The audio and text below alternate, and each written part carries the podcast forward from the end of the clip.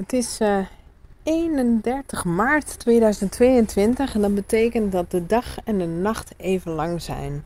En nu pas ga ik eens de tijd nemen om weer eens een podcast voor jou in te spreken. Het heeft even geduurd en uh, ja, ik had wat opstartproblemen dit jaar.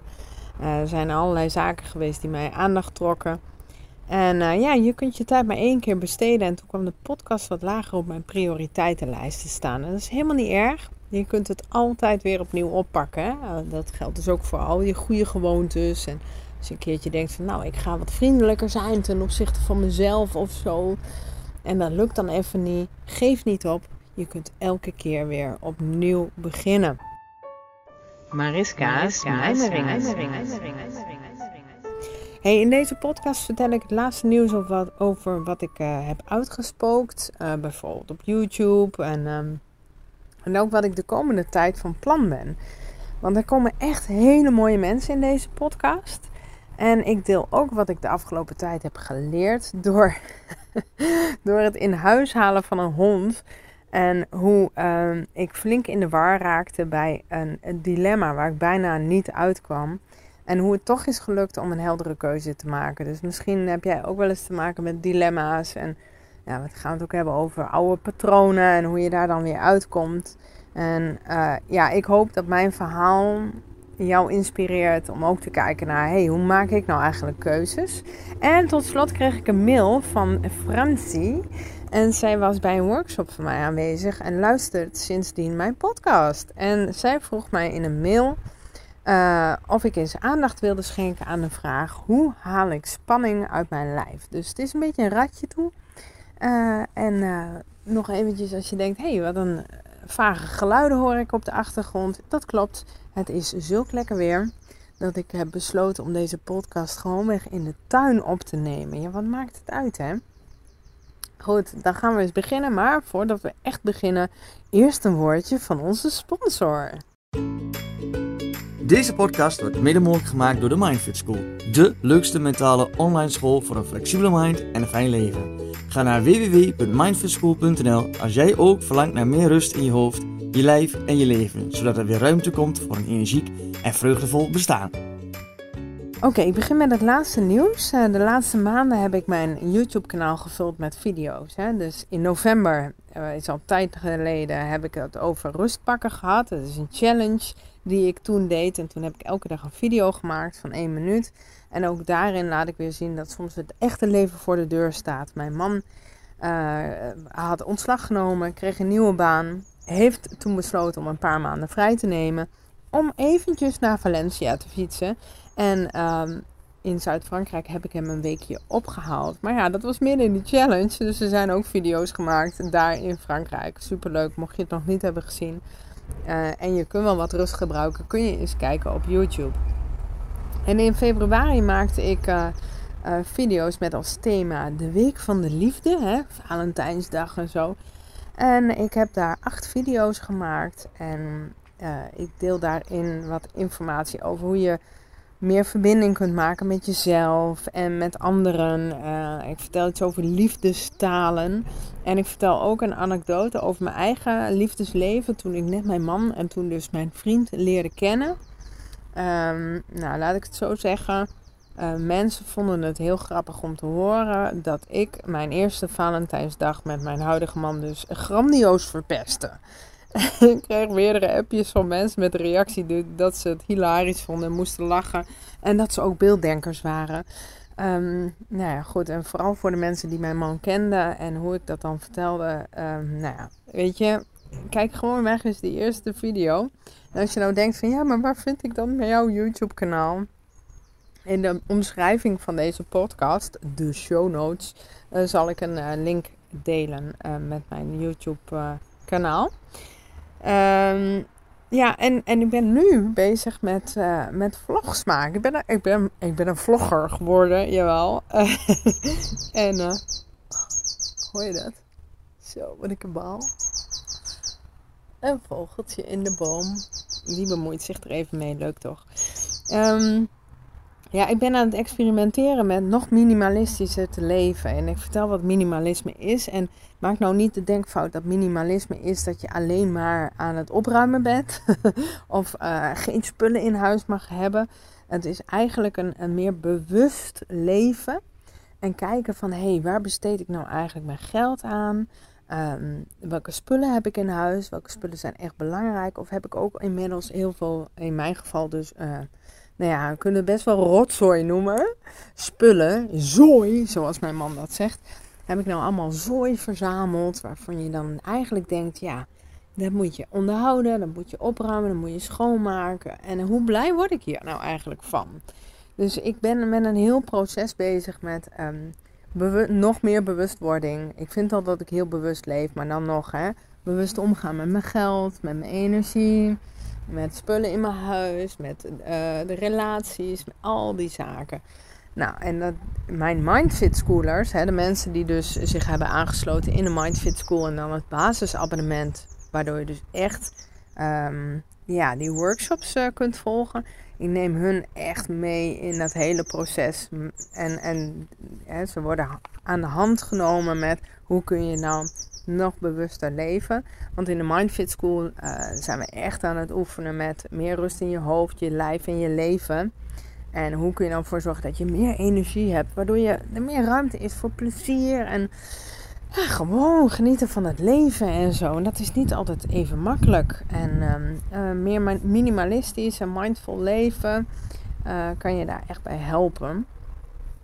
Uh, maar goed, ben je nou geen Mindfit Schooler en wil je er toch een beetje van meekrijgen, dan zou ik zeggen, kijk eens op mijn, mijn YouTube kanaal. Ik heb de intentie om elke week zo'n beetje, of één keer in de twee weken, een vlog te maken. Ik uh, film mijn proces en dan, die plak ik achter elkaar en, en dan maak ik daar een vlog van en dan zet ik dat op YouTube. Dus um, ja, dat zijn een beetje de dingen waar ik mee, mee bezig ben. Maar ook met een podcast. Kijk, ik heb twee jaar lang mijn podcast gedaan. Uh, het eerste jaar was een experiment. Na dat experiment dacht ik, dit is leuk, ik ga hiermee door. En eind vorig jaar dacht ik, ja, ik wil eigenlijk wel eigenlijk wel nog meer de diepte in. Ik, ik vind het leuk om bijvoorbeeld een, onderwerp te kiezen en dan verschillende mensen daarover te spreken. Um, nou heb ik um, drie mensen gesproken over het onderwerp seks. Dus er komt een serie Let's Talk About Sex. Ik heb ook wat um, mensen nog gemaild, maar niet iedereen geeft uh, een reactie. Uh, maar zo heb ik een seksuologe, Ingeborg Timmerman. Die, uh, nou ja, natuurlijk na 30 jaar seksuologe te zijn, heel veel weet over dit onderwerp. Van, en haar boek Zin in Seks. Hè? Hoe creëer je een sexy state of mind? Ik heb schrijfster um, Carly van Tongeren gesproken.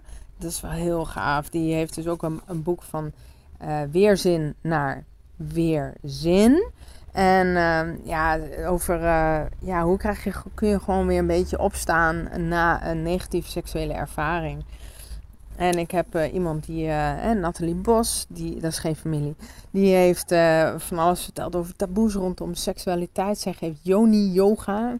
Hè? En yoni is dus je vagina, je vulva, je, ja, alle, je vrouwelijke geslachtsdeel. En nou, dat is ook echt een heel open gesprek en uh, ik vind het zo gaaf, hè, zo'n podcast. Want ja, ik, ik heb een microfoon en ik vraag mensen: wil je eens praten over een onderwerp? En dat is dus heel gaaf. Dus dat is een serie. Ik ben ook bezig in een met een serie Gender in en het onderwijs.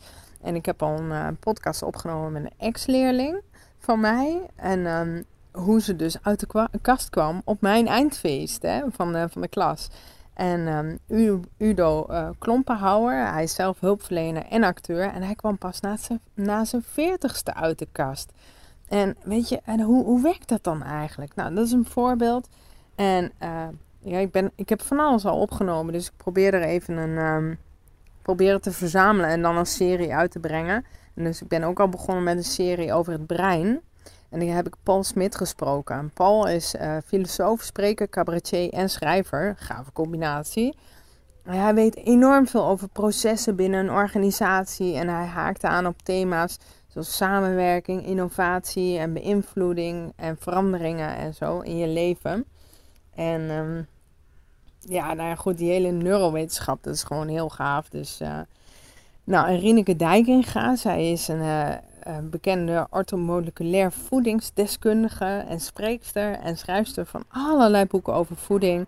En ik ben dus naar haar boerderij gereden in Groningen. Het was trouwens een hele mooie rit. Prachtige zonnige dag. Ik heb om half elf afgesproken. En ik heb gewoon, ik reed om half drie weg. En uh, ze heeft een fantastische lunch voor mij opgenomen. Ik heb daar ook video's van gemaakt, dus die komen ook nog op mijn YouTube-kanaal. Maar zij is dus, um, zij vertelt dus heel veel over dus die werking van je darmen en hoe dat nou zit. Dus als jij uh, wil dat je brein beter functioneert, hoe, wat moet je dan met je darmen doen? Hè? dat klinkt misschien nu vaag, maar um, ja, super gaaf en echt heerlijke dag gehad. En ik ben ook zo brutaal geweest om Ab Dijksterhuis een, uh, een mail te sturen. Misschien zeggen al deze namen je niks, maar google het eens. Het is echt heel... Of luister gewoon de podcast tegen die tijd. Maar uh, ik heb ooit in zijn boek, twee keer heb ik die gelezen... Het slimme onbewuste. En hij is, uh, Ab is psycholoog, spreker, schrijver en hoogleraar aan de Radboud Universiteit Nijmegen. En hij is gespecialiseerd in het onderbewustzijn en intuïtief denken. En hij, hij heeft dus, uh, hij is bezig met een nieuw boek. En uh, ja, eh, zo een beetje in uh, augustus mag ik hem spreken. Dus ja, ik weet niet of je het hoort, maar ik ben er echt zo blij mee.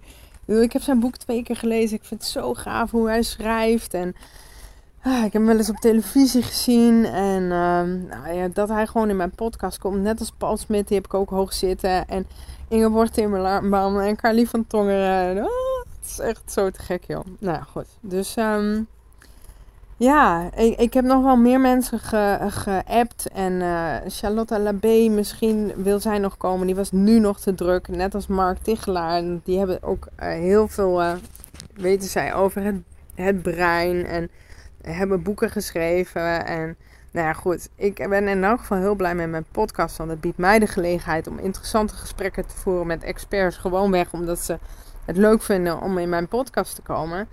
Um, ja, dus, uh, maar goed, dat klinkt allemaal heel geweldig en dat is het ook. Maar maken van een podcast is echt best wel hard werken. En ik wist niet dat ik het eigenlijk zo spannend zou vinden om mensen te mailen met de vraag of ze willen praten. Echt, ja, het is weer dat gevoel van, oh, je kunt afgewezen worden en zo. En dan maak ik het weer groot in mijn hoofd. En nou, dan ga ik er een middag voor zitten en dan gewoon weg, oké, ik ga gewoon vragen. En dan krijg je een ja. En dan denk ik echt, wauw, te gek. Maar ik krijg ook wel eens een nee. En dat is dan jammer. Maar dat maakt niet uit. We gaan gewoon door. We blijven gewoon vragen. Maar ook naar de mensen toe rijden. Uh, vragen opstellen, hun boeken kopen, hun boeken lezen, het gesprek voeren, het gesprek editen, het gesprek op internet zetten. En dan zo'n zo'n postertje maken. En nou ja, laten we zeggen, het podcast kost 250 tot 400 euro per podcast. Ja, sorry, ik wist dat ook niet van tevoren, maar ik ben er eens voor gaan zitten. Nou ja, en dan uh, de kosten gaan ook naar microfoons, editprogramma's, benzinekosten worden ook steeds meer, boeken, abonnementen van Soundcloud, websites enzovoort. En um, achter de schermen is best wel werk, weet je wel. En dat is helemaal niet erg. Maar ik weet dat er een groep mensen is die luistert en een steentje wil bijdragen. En dat kan. Dus als je zegt ik wil iets bijdragen, mag je dat altijd doen. Um, stuur mij een bericht. Uh, en dan stuur ik jou een, een tikkie waarin je zelf dus kunt kiezen hoeveel je wil betalen. Maar ik ben achter de schermen en samen met mijn team, die bestaat uit een ex-leerling van mij, Mark, en uh, mijn zus Ilona, uh, ben ik bezig om iets leuks te maken voor mensen die willen doneren. Maar dat heeft nog even tijd nodig en ik durf nu nog niks te verklappen, want ja, ik weet nog niet helemaal zeker of de vorm die we hebben bedacht, of dat het echt gaat worden. Maar we zijn bezig om iets te maken waardoor jij toch een cadeautje krijgt als je doneert. Uh, iets leuks en ja, en waardoor ik dan uh, wat, kosten kan, uh, kan dekken. Hè? Benzinekosten, kosten voor boeken. Ik geef ook altijd een cadeautje aan mensen die uh, in de podcast zijn geweest. sinds dit jaar trouwens. Um, ja, ik vond ook dat zij wel iets mochten krijgen. Dus, um, nou ja, neem anders gewoon contact met me op als je zegt: echt, ik vind het leuk om jou iets te doneren. Je doet het zo leuk. Ehm, maar voel je vooral niet verplicht. Ehm, goed. Uh, ja, dat was eigenlijk het laatste nieuws. En dan wil ik door naar het volgende onderwerp. En dat is het dilemma. Het dilemma uh, waar ik mee zat. Um, en misschien heb jij nu ook een dilemma. Iets wat je, wat je heel moeilijk vindt. Um, en wat, je dan, wat er dan vaak gebeurt, is dat we het heel ingewikkeld maken. Echt heel ingewikkeld. Um, je haalt er van alles bij. En dat, dat maakt een keuze maken nog moeilijker. En wat ik van het boek van Ab Dijksterhuis heb geleerd, het slimme onbewuste, is dat uh, verzamel echt alle informatie die je nodig hebt en ga dan een nachtje slapen. Nou, ik heb de afgelopen tijd, hè, mensen die mij volgen op social media, hebben dat meegekregen. Dat wij heel blij waren dat we bezig waren met een hond. Hè. Onze hond is uh, ruim een half jaar geleden overleden. En uh, ik was wel weer toe aan een kwispelend staartje in huis. Um, maar dat is niet helemaal gelukt. De hond, nou ja goed, luister maar eens. Wat er gebeurde sowieso was, ik wilde dus een hond en ik ging honden kijken op Facebook en op in asiels en ik ben er bijna obsessief mee bezig geweest. Hè. En daardoor uh, kwam ik op een soort van roze wolk terecht. De wens om een hond, nou ja, je kent het misschien als kinderwens, hè? of een andere wens die je dan hebt, dat je daar zo mee bezig kunt zijn en dat je alleen maar de voordelen en je droom en later als we het hebben, dan is mijn leven compleet verhaal. De roze wolk, daar kom je dan op terecht. Hè? Ik zag zo'n kwispelende staart in huis en hoe fijn zou het zijn als zo'n hond helemaal blij is als je thuis komt en dat knuffelen met zo'n hond. Nou goed, we zagen dus een hele leuke hond uh, in een asiel hier in de buurt, heel toevallig.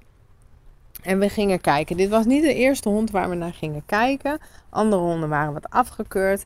Uh, en deze hond ja, was eigenlijk wel heel leuk. En de omschrijving was heel mooi. Uh, maar ergens, ergens voelde ik iets. Het was iets. ja, ik weet niet. Het gesprek met het asiel was wel heel erg kort. En ik hoorde mezelf drie keer vragen of zij nog wat meer informatie over ons wilde. Ik wilde namelijk best nog wel wat meer vertellen. Want ze hadden een best wel uitgebreide mail. Maar ik dacht, ja, er is meer in ons leven dan alleen dat wat ik nu heb gedeeld. Maar dat was niet nodig. En wat moeten wij nog weten over die hond? Nou, dat was ook, uh, je hebt die hond toch gezien. En ik dacht echt, hé, gaat dit allemaal snel? En weet je wel, dat je, ergens kun je niet helemaal uh, de vinger erop leggen, maar je, je voelt zoiets van, hé, hey, er is iets wat niet helemaal klopt. Er borrelt een gevoel uh, naar boven en die heb ik zorgvuldig weer genegeerd. nou, ik heb niet voor niks ooit eens een ring gekocht, een paar maanden geleden is dat trouwens waarin dat mij doet herinneren aan, je hebt een heel goed ontwikkeld instinct, Mariska. Um, als je zo'n gek gevoel hebt, ga daar nou eens naar luisteren. En dat gaat eigenlijk best wel vaak goed, maar ja, niemand is perfect. En dan merk ik toch wel weer dat ik dan die roze wolk en de wens van een hond na zoveel maanden zoeken en dan de zoveelste hond waar we naar kijken, ik wil er gewoon een beetje doorpakken. Nou, en dan negeer je dus je intuïtie, toch? Ja, herken je wel vast. Uh, nou ja, ik maakte dus een plan om samen met mijn buurvrouw uh, de hond te bekijken. Nou, en waarom de buurvrouw? Nou, de buren en wij hebben een soort van gezamenlijke tuin. Als we onze poort open doen, de buurkinderen komen heel vaak bij ons langs. En wij passen veel op hun, hun hond. En hoe leuk is het als hun hond, uh, onze hond, dan ook naar hun kan. Als wij een keertje zeggen: Goh, we gaan, uh, weet ik veel, een week naar Ibiza.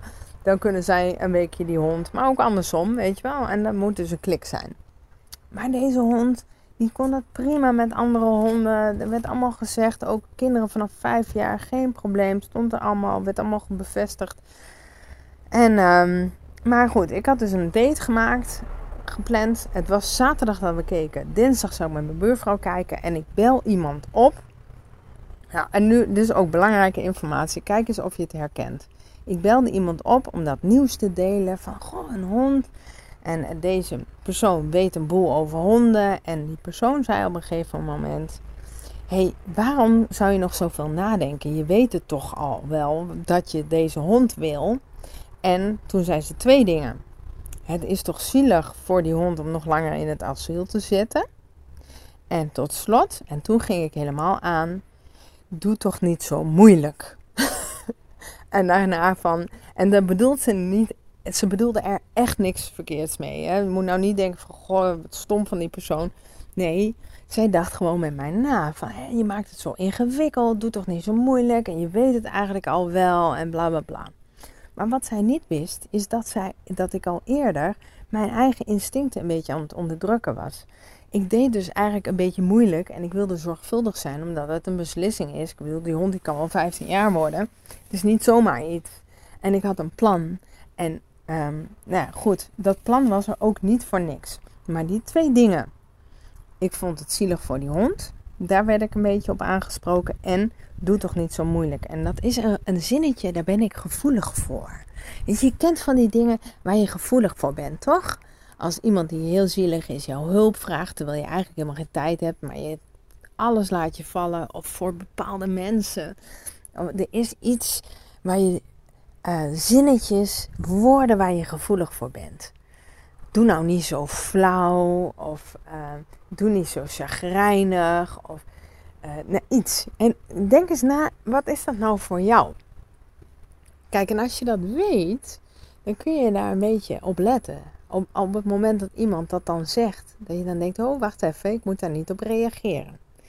Nou, ik ben me dus pas later hè, gaan beseffen dat dat zinnetje iets met mij deed. Ik wist niet dat zinnetje doet toch niet zo moeilijk, dat die ook voor mij een trigger was. Maar daar ben ik later achter gekomen. Want pas later dacht ik, wat is hier nou eigenlijk gebeurd? Ik heb bedacht, waarom is dit nou misgegaan? Want wij namen namelijk een hond in huis die helemaal niet geschikt was voor kinderen. Bleek. En um, dus die hond kon eigenlijk helemaal niet zo zijn hier. Hè? Met dat hele plan met die buren. Uh, ik heb mijn intuïtie, daar ben ik niet naar geluisterd, ben ik niet naar gaan luisteren. Maar hoe kon dat nou gebeuren? En dat kwam omdat ik mijn eigen regels door dat zinnetje ook ben gaan negeren. En ik heb een paar regels. En ik vind wel, je moet niet te, uh, hoe zeg je dat? Te um, stug zijn met regels. Hè. Je moet wel een beetje, je moet, je moet, moet, moet, je moet helemaal niks. Ik vind, wees vooral flexibel. Maar er zijn regels die gewoonweg heel erg goed helpen om uh, niet in bepaalde valkuilen te stappen. En een regel voor mij is bijvoorbeeld, ja, daar komt die. Mensen moeten altijd lachen als ik dat zeg. Als het meisje ongesteld is, mag ze geen belangrijke, ingewikkelde of grote beslissingen nemen. Nee, dat mag ze niet. En ik raad deze heel vaak aan aan mijn collega vrouwen als je ongesteld bent en je bent dan op dat moment wat wiebelig. Niet iedereen heeft dat. Niet iedereen die ongesteld is, heeft dat. Maar de meeste vrouwen wel. En dan neem dan vooral geen belangrijke, ingewikkelde beslissingen. Op het moment dat je ongesteld bent en je denkt, ik ben gaan scheiden. Wacht heel even een weekje en kijk eens of je dan nog steeds wil scheiden. Ja, ik noem maar iets. Of neem vooral geen hond in huis. Ja, ik moet nu lachen, want wij hebben dus die hond in huis genomen. En we gingen dus gastouderschap doen. En toen wilde ook een andere vrouw deze hond nemen. Maar het is een hele dominante hond. En toen zei ik nog, ja, ik heb deze hond in huis genomen toen ik ongesteld was. En toen zei ze, oh. Ik zei, ben je ook ongesteld? Ja. En zij wilde me echt nemen. Maar serieus, ik dacht, doe niet lief schat. Doe het niet. Want wil je een project in huis of wil je echt een hond in huis? Dat, is dan ook, dat was nog een mooie vraag. Maar goed, mijn regels is, is dus, als, als het meisje ongesteld is, geen belangrijke, ingewikkelde of grote beslissingen nemen. En als je een goed plan hebt, dan is het een goed plan. En hou je er dan aan. Je hebt er echt goed over nagedacht. En dat is vooral ook bijvoorbeeld mensen die ergens mee stoppen. Stoppen met roken, stoppen met drinken, stoppen met ruzie maken, stoppen met iets. Of beginnen ergens mee met sporten, um, in plaats van een koekje eten, een appel eten. Dat was echt een heel goed plan. Alleen je hoofd bemoeit zich ermee en zegt dan: nah, kunnen we een uitzondering maken. Maar dat is echt een slechte raadgever. Het was een goed plan. Je hebt er goed over nagedacht. Hou je aan je plan. Dat gevoel gaat vanzelf over, geloof me. En beslissingen die voor een langere termijn zijn, zoals een hond in huis nemen of een kind in huis nemen of een scheiding of wat dan ook, altijd een nachtje een nachtje of misschien wel meer over praten. En als je er niet uitkomt, praat dan met iemand die niet een mening heeft. Die niet zegt, doe toch niet zo moeilijk. Die niet zegt, ja, wat hebben de buren er nou mee te maken? Want wij namen dus een hond in huis die niet geschikt was voor kinderen. En uh, de, ja, ik vond gewoon, dit, deze hond kan gewoon niet uh, blijven. En ik had daar met wat mensen over. En uh, deze hond was echt super lief en geschikt voor ons tweetjes. Maar niet in de situatie waarin wij leven. En het grappige was dat veel mensen dan zeiden en meedachten. En zeiden: Wat hebben die buren er nou mee te maken? En dan, ja, het is toch leuk zo'n hond. En hij doet het toch hartstikke goed. En hoe meer meningen, hoe meer verwarring. En waarom raakte ik in verwarring? Want dat hoeft helemaal niet hè, door meningen van anderen.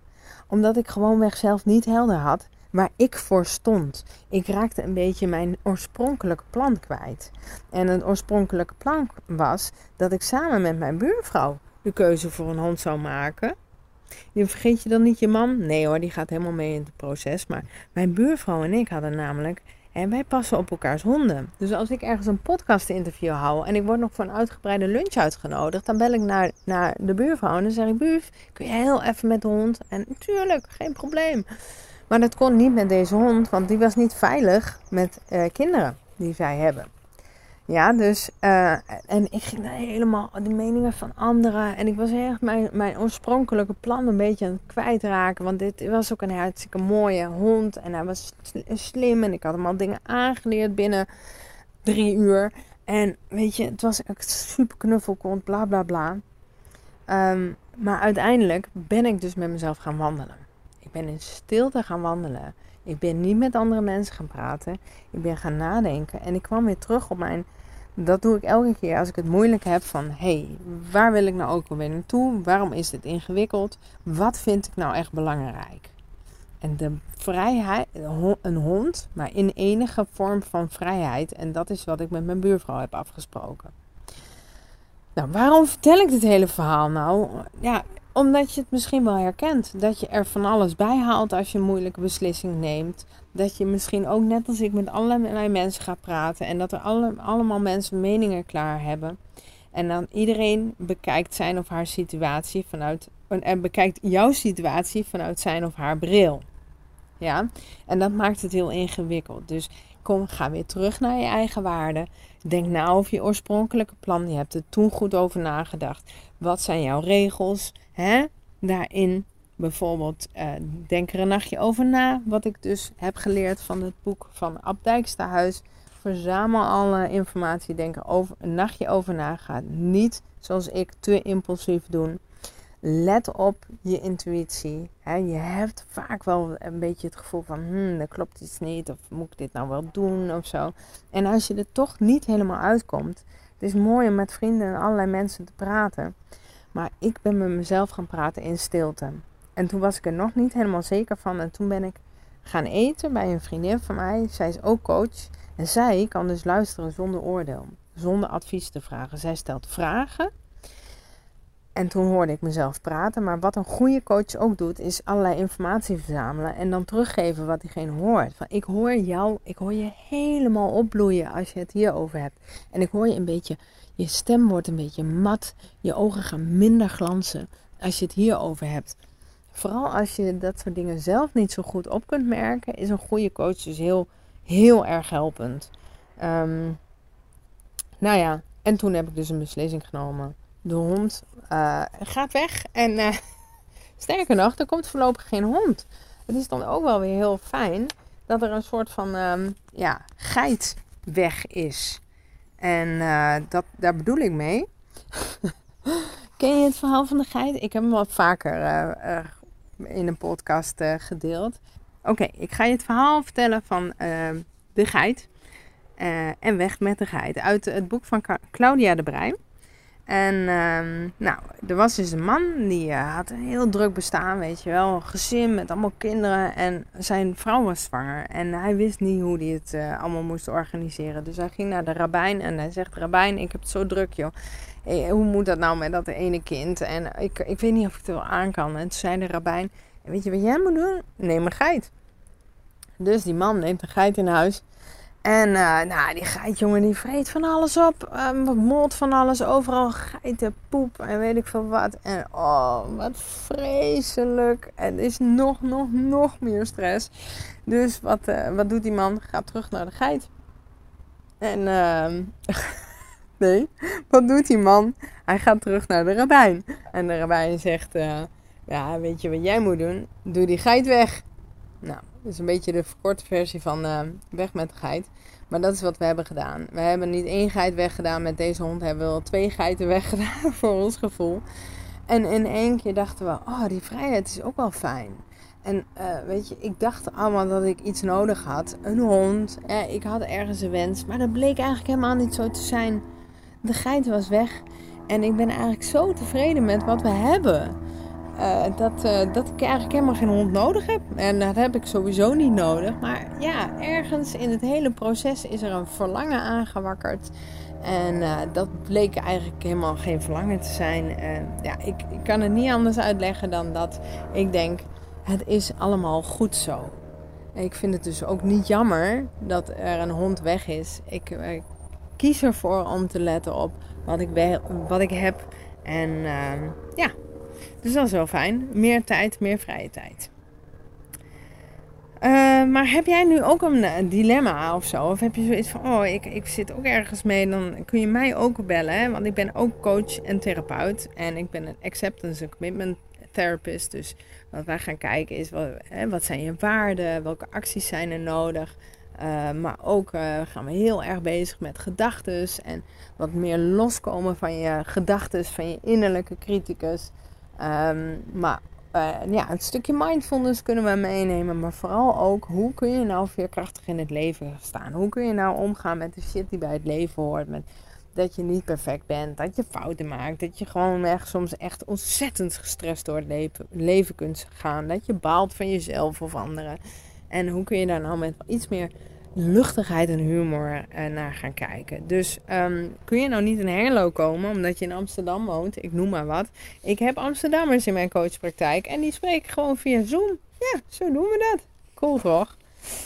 Oké, nou, uh, genoeg voor dit. Um, ik, snap dat je ik denk dat je de boodschap wel snapt. Uh, we gaan even naar het laatste deel van de podcast waarin ik een lezersvraag behandel. En uh, heeft... Um, bij mij workshop over mindsets uh, gevolgd. En sindsdien luisterde ze de podcast, vertelde ze mij, of mailde ze mij. Hè, en ze vroeg mij om eens aandacht te schenken aan de vraag: uh, hoe haal ik spanning uit mijn lijf? Nou ja, de, het is een beetje een lastige. Uh, het is een vrij algemene vraag. Uh, ik ken je niet, dus ik weet niet hoe het voor jou werkt. Het werkt voor iedereen verschillend. En dat is uh, wel interessant, maar het is ook lastig om dus een algemeen uh, ja, antwoord te geven. Maar ik wil eventjes beginnen met dat het ook wel interessant is om te kijken naar hoe ontstaat deze spanning nou. En wat ik veel zie in mijn praktijk is dat er veel mensen hun spieren dus aanspannen als het helemaal niet nodig is om, om ze aan te spannen. Uh, bijvoorbeeld om, uh, als ik achter de computer zit om te typen, hoef ik niet mijn schouders naar mijn oren te trekken. En toch doen heel veel mensen dat. En dit komt omdat mensen vaak onder tijdsdruk staan, die ze trouwens zelf dus creëren. Hè?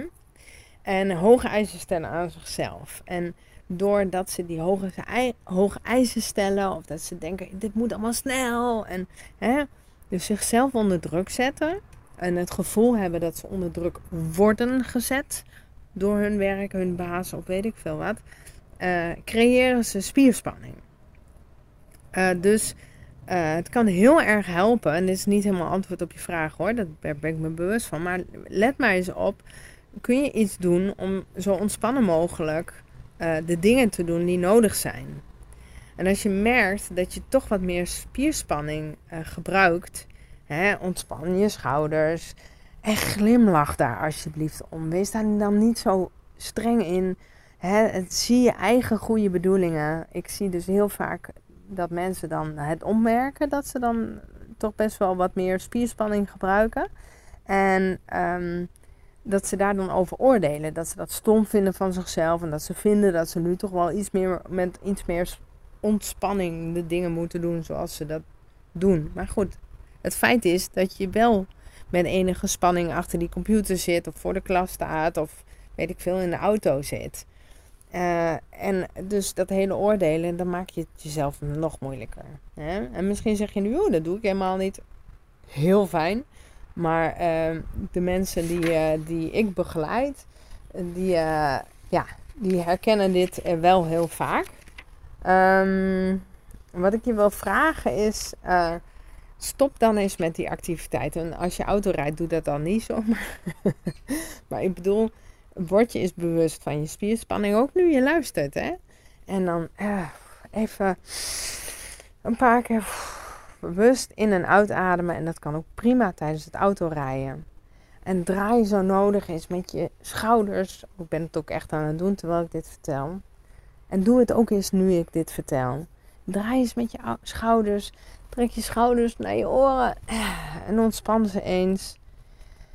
Ontspan andere spieren die je niet hoeft aan te spannen. En wat ik zelf heel snel doe is mijn buik intrekken. Of mijn bekkenbodemspieren zelfs aanspannen als ik wat... Uh, ja, wat met volledige concentratie aan het doen ben. En zucht nog eens een keertje diep in en uit. En, en ga dan met wat meer ontspanning door met waar je mee bezig bent. Nou, en heb je nou chronische last van spierspanning en andere spanning in je lijf? Ehm, ja, dan zijn er verschillende dingen die je kunt doen. Uh, ja, A, het helpt dus om wat vriendelijker in het leven te staan. Uh, mensen behandelen zichzelf soms als een slaaf. Hè? Dan staan ze bij wijze van spreken met een zweep naast zichzelf en fokken zichzelf ontzettend op. En uh, ja, eisen zoveel van zichzelf. Dus dan vraag ik wel eens van... Um, nou, als jij uh, je eigen beste vriendin was geweest... Hè, was je dan ook zo met jezelf omgegaan? En uh, had je dan ook gezegd van... doe eens normaal. En nou, lang verhaal kort probeer daar met wat, wat. Probeer jezelf eens te zien als mens. Hè? Met al die menselijkheid.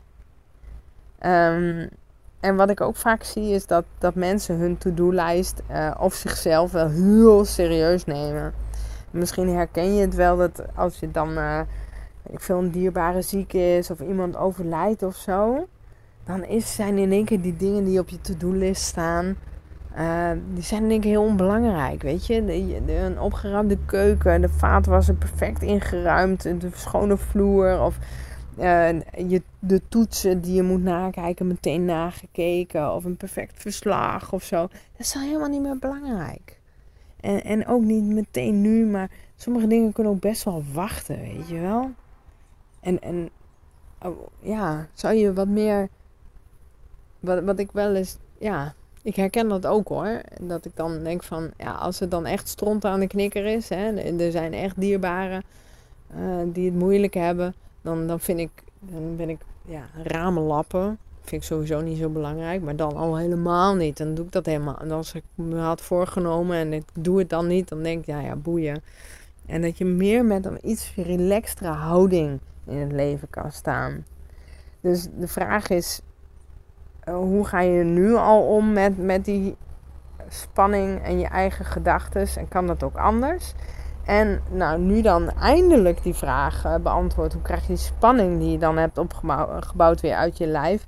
Nou, mij helpt het om echt ja, te dansen alsof niemand kijkt. Ik heb gisteren gekookt. En mensen die mij kennen, die weten dat ik dat niet zo vaak doe. Koken, dat is meer een taak van mijn man. Maar als ik het doe, dan doe ik vaak de muziek hard aan en dan, en dan ben ik dansend aan het koken. En um, als mijn man lekker beeldscherm aan het kijken is, dan dans ik door het huis. Uh, of met mijn koptelefoon op. Of ik doe het even in de tuin. En gewoon echt even heerlijk. En, en zo kan ik die spanning uit mijn lijf krijgen. En leuk om met, met kinderen te gaan dansen. Maar ook um, als je denkt van nou dat werkt niet voor mij. Uh, gewoon weg, even lekker springen. Um, ga vooral met dat lijf aan de slag.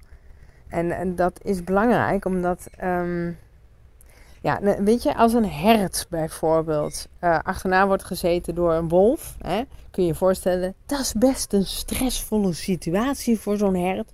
En het hert ontsnapt, um, dan als het hert dan op een gegeven moment op een plek staat waar hij veilig is, dan gaat hij trillen. Ik weet niet of je dat wist, maar hij gaat gewoon trillen. En dat is het, de ontlading. En dat, dat doen wij mensen te weinig. we zijn geleerd, we hebben geleerd om vooral een beetje normaal te doen. en stil te zitten in school. Maar ongecontroleerd dansen, als een idioot dansen, trillen, springen, schreeuwen in een kussen. Dat zijn allemaal uitingen die kunnen helpen om spanning los te krijgen en los te maken in dat lichaam. Probeer het gewoon eens. Het kan ontzettend opluchten. En ook al denk je, dit is idioot, wat ben ik nou aan het doen? Maakt niet uit, doe het eens. Probeer het eens. Nou, misschien is dit helemaal niet jouw manier. Misschien wel, maar durf je het gewoon niet. Vind je het raar of zo, weet je niet hoe. Dan zou een massage bijvoorbeeld ook heel goed kunnen werken. Een massage door een, echt een pro of door een schoonheidsspecialiste. Of het liefst natuurlijk door een dierbare die een beetje kan masseren. Uh, maar je kunt ook jezelf masseren. Hè? En het aanraken van jezelf, van je lijf, zorgt ervoor dat je lichaam het gevoel heeft van, oh, we zijn veilig en we mogen er zijn. Het gaat erom dat je je lichaam een beetje, oh, dit klinkt misschien heel zweverig, maar communiceert met je lichaam. Dat je je lichaam de boodschap geeft, het is oké. We zijn veilig, we hoeven niet meer te rennen, we hoeven niet meer te stressen. Het is oké. Dus uh, bijvoorbeeld warmte, een douche, een bad, um, lekker pittenzakjes, een kruikje. Dat soort dingen. Dat kan heel goed helpen om die spanning los te laten. En dan echt, echt bewust in en uitademen. En dan oh, als een soort aangespoelde kwal op je bed liggen. En, en ontspannen. Uh, een heerlijk ruikende olie op je smeren beetje romantisch, langzaam muziekje erbij. Neem er de tijd voor. Ik zie ook wel eens mensen nou, douchen en dan zo zich insmeren. En dan zo klaar. Nou, als jij toch zo iemand bent die zich dan insmeert, doe het dan liefdevol. Doe het langzaam. Doe het mindful. Dus met je aandacht bij dat gesmeer van jezelf. En dat, dat kan ook ontzettend helpen. We doen heel veel dingen tussendoor. Even snel, even snel. Neem hier eens de tijd voor. Dat zijn kansen om je lichaam, om daar die spanning een beetje los te krijgen. Nou, en tot slot, uh, hè, dus, uh, kun, je dus ook um, uh, iets van een body stress release of trauma behandelingen kun je gaan volgen. Dat geef ik zelf niet, body stress release. Um, maar ik gebruik veel ademwerk. En um, ja, door, door ademwerk kun je ook opgebouwde spanning loslaten. En dat zijn ademhalingsoefeningen. Die vind je onder andere in de Mindfit School. Die kun je leren in coachsessies als je dat interessant vindt.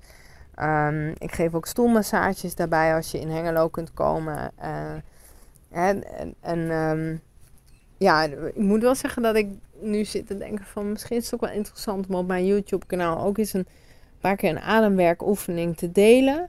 En als je dan zegt van, oh, dit is echt wel gaaf om dit bij te houden. Dan kun je bijvoorbeeld het light abonnement van de Mindfit School uh, kun je gewoon eens uitproberen. En dan krijg je elke week een mijmering. Dus een oefening. Uh, en dat kan een ademhalingsoefening zijn, maar ook een, een, een oefening in minimalisme. Um, en, maar je vindt er ook allerlei andere trainingen. Uh, de Beter Slapen, Beter Leven training zit daarin. Uh, en allerlei andere uh, meditaties en mindfulness oefeningen. Die zitten er allemaal bij. En ja, en je krijgt elke week een, eh, een, een oefening. En die, die oefening kun je bijvoorbeeld elke dag doen. Ja, en dat groeit hè. Er zijn zoveel oefeningen al in die Mindfit School. En elke week komt er eentje bij. Dus je kunt je voorstellen dat dat lekker, lekker opbouwt. Um, en je hebt natuurlijk met mij meteen uh, contacten. Je kunt mij heel snel even vragen stellen die je tussendoor hebt. Dus uh, nou, heb je daar vragen over? Stuur me even een mail naar info@mindfitschool.nl en uh, dan kan ik met je meedenken als je, als je een keertje zoiets van ja, wat zou nou eigenlijk bij mij passen? Ik zit hier en hier mee. Vind je dan dat ik bij de Mindfit School uh, beter aan mijn trekken kom of individuele coaching? En als ik denk van nou, dat is niks voor mij, dan kan ik meedenken, kijk eens naar een andere behandeling, zoals body stress release of weet ik veel, ga op yoga of um, nou, dan, dan denk ik gewoon met je mee. Yes? Uh, nou, tot slot vind ik het super leuk als je komt chillen op Instagram. Uh, Juf Mariska moet je even opzoeken op Instagram en dan klik dan de Mariska Bossen aan, want er zijn er meerdere Juf Mariska's. Uh, YouTube kun je uh, abonneren. Je kunt natuurlijk, als je bijvoorbeeld op Spotify dit luistert, even op volgen klikken, dat belletje.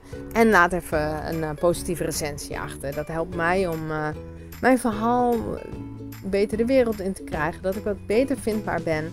En meer mensen kan helpen met, met dit soort dingen. Ja, nou, oeh, het is best een lange mijmering. Meestal zijn de mijmeringen wat korter. Um, welkom dus weer bij Mariska's Mijmering. Jeetje, drie kwartier. En uh, de volgende podcast uh, zal ik uh, in gesprek gaan met um, Patrick Kikke, oude radiomaker. En die, ja, och, die vertelt van alles over angsten en over succes. En heel leuk gesprek. Ik ben naar hem toegereden in Vinkveen. En ja, Vinkveen? Is Vinkveen? Ja. en hij heeft uh, mij ook geïnterviewd voor zijn podcast. Nou ja, dat hoor je allemaal wel. Um, ik zou het leuk vinden als ik weer wat van je hoor, wat je van deze podcast vindt. En als je een vraag hebt, stel hem gerust. En dan spreek ik je vast weer snel via de podcast of YouTube kanaal of Instagram. Hey, groetjes, fijne dag, doeg doeg.